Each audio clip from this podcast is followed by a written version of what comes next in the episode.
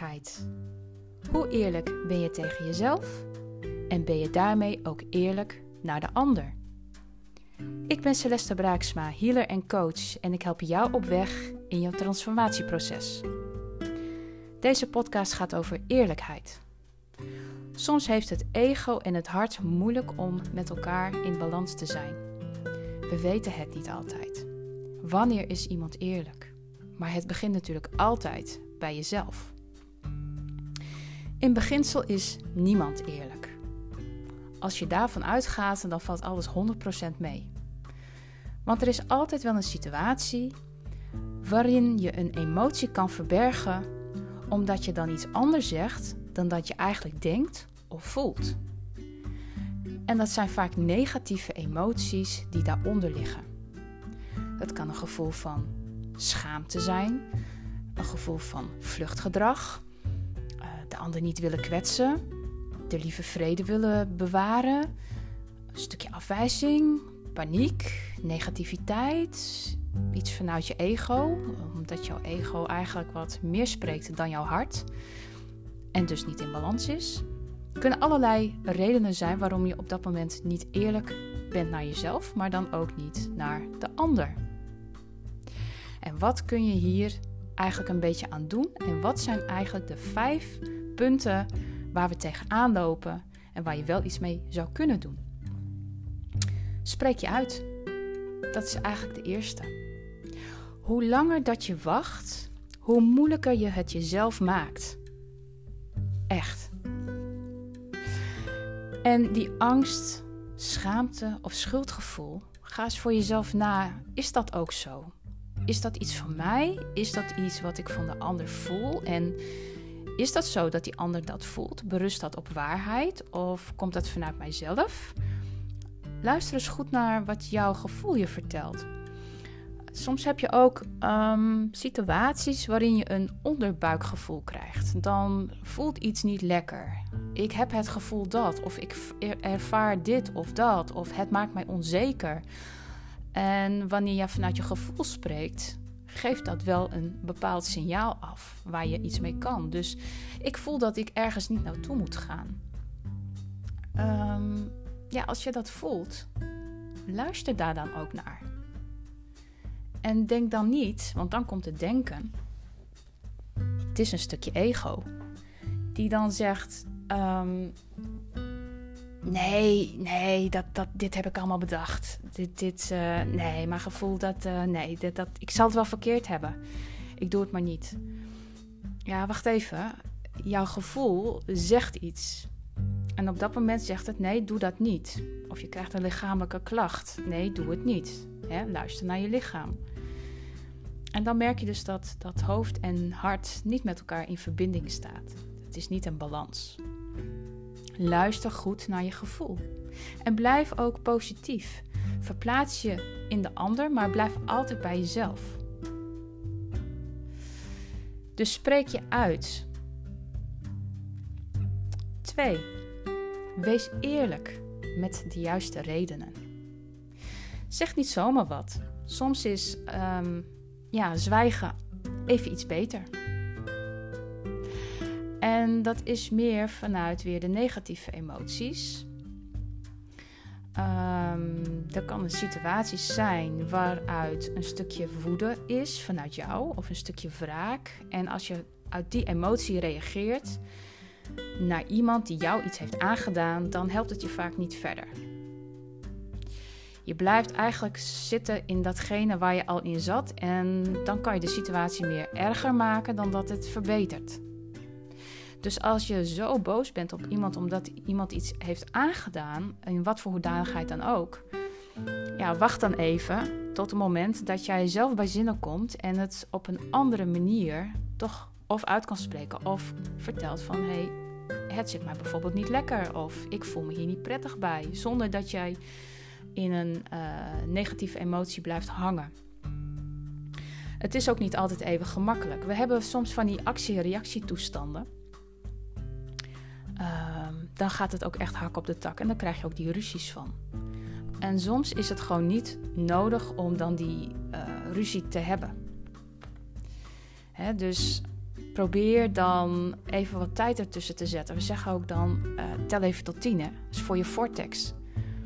Daar word je rustiger van. Dus tel maar even tot tien. En als dat niet lang genoeg is, als je nog met je emotie blijft lopen... Ja, weet je, ga de eerste 24 uur dan even niet reageren. En als je na die 24 uur nog even over de situatie nadenkt... en je bent nog boos en verdrietig en je weet niet hoe en wat... gooi er dan nog eens een keer 24 uur overheen. En dat kan betekenen dat je er twee dagen doet om iets, uh, om ergens op terug te komen of om iets uit te spreken. Dat is dan zo. Maar jij bent zelf wel wat rustiger in je systeem, waardoor jij anders kan gaan reageren. Vanuit woede bereik je sowieso niks. Jij bent boos, de ander is boos, er is ruzie. En wanneer jouw emotie uh, wat rustiger wordt, en het kan ook zijn dat je tot een inzicht komt dat je denkt van ja, ja, ik heb zelf ook een bepaald aandeel in iets en dan kun je het erover hebben. Maar dan kun je tenminste rustig een gesprek met elkaar aangaan. Zonder dat er per definitie ruzie hoeft te ontstaan. Dus wees eerlijk met de juiste redenen. Hè? Dus soms is het even verstandig om te wachten met een reactie dan actie-reactie te gaan creëren. Wat kun je nog meer doen? 3. Durf te ontvangen. Dit is iets waar mensen wel eens wat moeite mee hebben. Uh, zeker wanneer je in een afwijzende positie staat, bijvoorbeeld ook uh, de afwijzing in zelfliefde, uh, dan is het um, voor een aantal moeilijk om bijvoorbeeld een compliment te ontvangen. Want je kan ook positieve emoties terugkrijgen. Maar hoe dan ook, of het nu kritiek is of een positieve emotie, durf te ontvangen. Het maakt in feite niet uit. Maar op het moment dat jij kritiek krijgt en jij kan er niet mee omgaan, zegt het op dat moment iets over jou. Over jouw negatieve emotie die je op dat moment bij je draagt.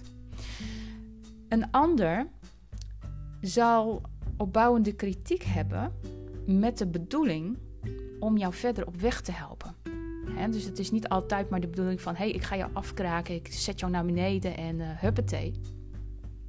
Het is meestal de bedoeling om jou verder op weg te helpen. Vaak zijn er gewoon zielen om jou heen die iets willen meegeven waar jij weer iets aan hebt. Het kan zijn dat je iets van jezelf niet ziet, waar de ander dan eventjes iets in aanraakt, jou triggert op een bepaald stukje. En ja, jij kan er weer mee verder. Dus, dus doe daar gewoon echt je voordeel mee. Ja, er zijn natuurlijk ook mensen die ons wel bewust kwetsen. Ja, die, die zijn er ook. Maar goed, dan moet je jezelf afvragen van berust dit stukje op waarheid? Of is dit de pijn van de ander die ik voel, waar ik eigenlijk zelf niet zo heel veel mee kan? Het triggert mij wel, dus ik moet er wel iets mee, maar het is eigenlijk iets wat ik bij de ander dan mag laten. Wees eerlijk in je gevoelens. Wat is van mij en wat is van de ander? En wat van de ander is, mag je ook bij de ander laten. Dat hoef je niet tot je te nemen. En de meeste empathen onder ons zijn geneigd om wanneer het iets van de ander is, om het naar zich toe te eigenen. En daar worden we niet veel beter van, want dan lopen we met iets van een ander rond in plaats van iets van onszelf. En dat wordt dan een hele zware last.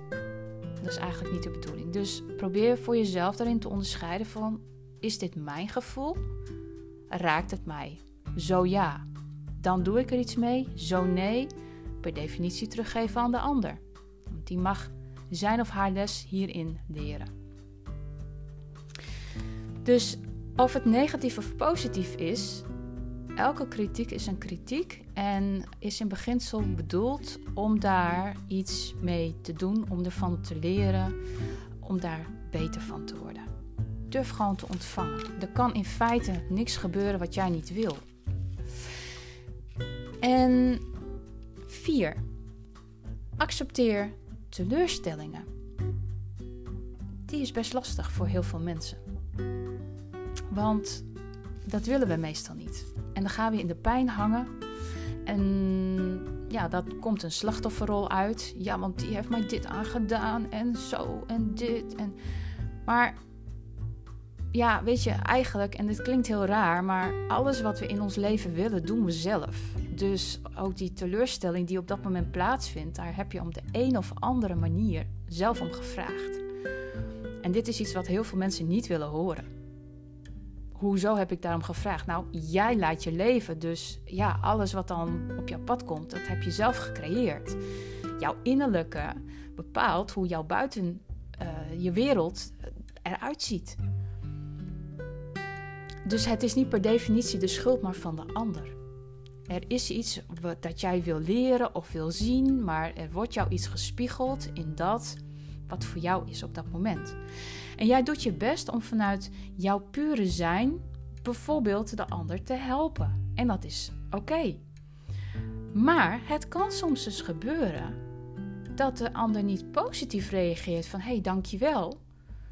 Maar dat de ander zegt: Ja, ho, wacht even ja, maar dit, dit, uh, dit is niet van mij. En nou, dan komt er een heleboel negativiteit los. En dat wordt allemaal, huppatee, naar jou toe gekaatst.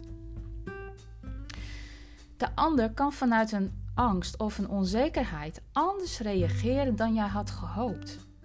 Omdat jij dacht, ik ben eerlijk. En dit kun je niet altijd voorkomen, want niet iedereen wil altijd de waarheid horen. En eerlijkheid kun je natuurlijk ook koppelen aan waarheid. En mensen die bijvoorbeeld niet aan waarheidsvinding willen doen, die liever in sprookjes blijven geloven, en jij bent eerlijk, nou, dan weet je natuurlijk wel wat er gebeurt. Daarop zul jij het verliezen.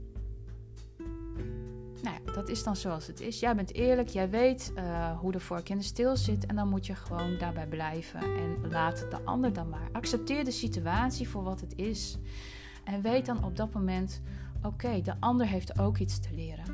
De ander heeft ook een angst of een onzekerheid. Dat hoeft niet direct iets van jou te zijn. Dus accepteer als het even niet zo loopt als dat jij had gehoopt of had verwacht. Soms is het gewoon zoals het is. Dan de laatste, nummer 5. Ja, dat is iets waar je een heel uitgebreid onderwerp van kunt maken, omdat dit binnen narcisme valt. En ja, dat is gewoon een heel breed begrip. Maar dan hebben we het over pathologische leugenaars. En een pathologische leugenaar zal altijd liegen. En wanneer je zo iemand om je heen hebt, in wat voor hoedanigheid dan ook. Het kan een collega zijn, het kan een vriend zijn, het kan uh, je partner zijn. Maar dat is wel iemand die bewust tegen jou liegt, omdat ze daar voordeel mee willen doen.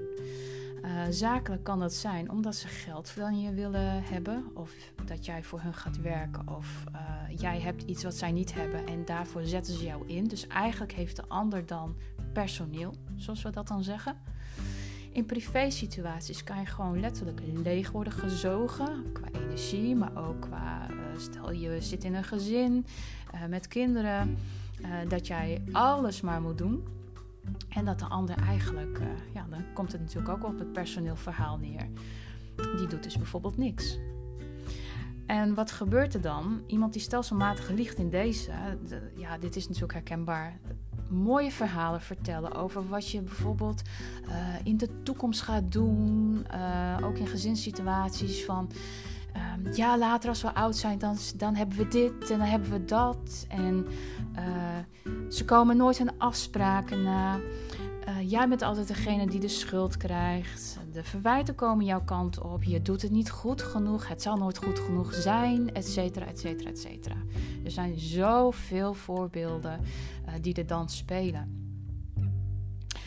Ja, hier is dus sprake van projectie. En daarin is het de bedoeling uh, van dit type persoonlijkheid om jouw zuiverheid en jouw liefde aan te tasten, maar daarin ook jouw integriteit en eerlijkheid. Dus hoe eerlijk dat je dan ook bent, blijft er altijd bij. Uh, zij kunnen dan niet die waarheidsvinding of uh, ja, iets, iets dat hun verhaal uh, ineens wordt lek geprikt. Hè? Die ballon wordt lek geprikt, want ja, het was eigenlijk helemaal niet zo'n mooi sprookje. Dat, dat daar kunnen zij niet zoveel mee. Want ja, dan komt hun ware aard naar boven. En dat is iets wat eigenlijk, ja, dat willen ze gewoon niet. stel je voor dat jij hun ballondek prikt. Ja, dan, dan, dan weet de hele wereld uh, dat zij toch anders zijn. En dat zij helemaal niet zo leuk zijn. En daar zit heel veel onzekerheid en angst onder. En eigenlijk van uh, dit type persoonlijkheid spreken we van een gewonde ziel. Iemand die eigenlijk in uh, de kinderjaren zodanig trauma heeft. Ja, dat, dat is gewoon uh, ja, niet meer te herstellen. Eigenlijk zijn dit soort mensen al uh, uitbehandeld. Dus kun jij daar dan iets mee? Nee, want ze zijn destructief voor jou. Ze zullen je blijven afwijzen. Ze zullen je vernietigen, bestraffen, beperken. Uh, er is een toxische schaamte. Het, het, zelfs uh, spiritueel gezien uh, kan het je de nek letterlijk omdraaien. Dat ze gewoon je licht dimmen. En dat liegen kan daarin zo ver gaan. Uh, ja, blijf dus eerlijk, eerlijk tegen jezelf. En ook daarin naar buiten. Nou is dit een van de meest ergere vormen die er zijn. Maar het komt natuurlijk wel voor. En steeds meer.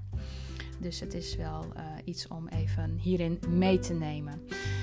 Eén uh, ding dat zeker is, is dat uh, de pathologische leugenaar nooit eerlijk zal zijn. En twee, ze zullen nooit veranderen. Ook al denk jij dat jij ze kan veranderen, forget it. Het gaat nooit gebeuren. Wat is het beste in dit laatste stukje? Ehm, ja, eigenlijk neem er afscheid van. Geen contact meer. Negeer het. Het is gewoon niet mogelijk om fatsoenlijk met ze te communiceren. En mensen kunnen je therapieën aanbieden om het uh, weer te herstellen. 9 van de 10 gevallen lukken gewoon niet. Ik heb nog niet iemand um, gehoord of gezien in zo'n situatie um, waarmee het goed is gekomen. Dus einde oefening in dat geval. Dat was dus nummer 5. Al met al, hoe eerlijk ben jij tegen jezelf en naar anderen? Beschouw de ander als een spiegel en doe er echt je voordeel mee. Het is namelijk de basis voor vertrouwen. Dat zit hier allemaal in. Heb je moeite met emoties of om beter in je gevoel te komen? Dat zou natuurlijk kunnen. Ik kan je daarbij helpen om je wat inzicht te geven en wat tools. Uh, maak een afspraak via de website healingpraktijkcelesta.nl. Tot de volgende podcast.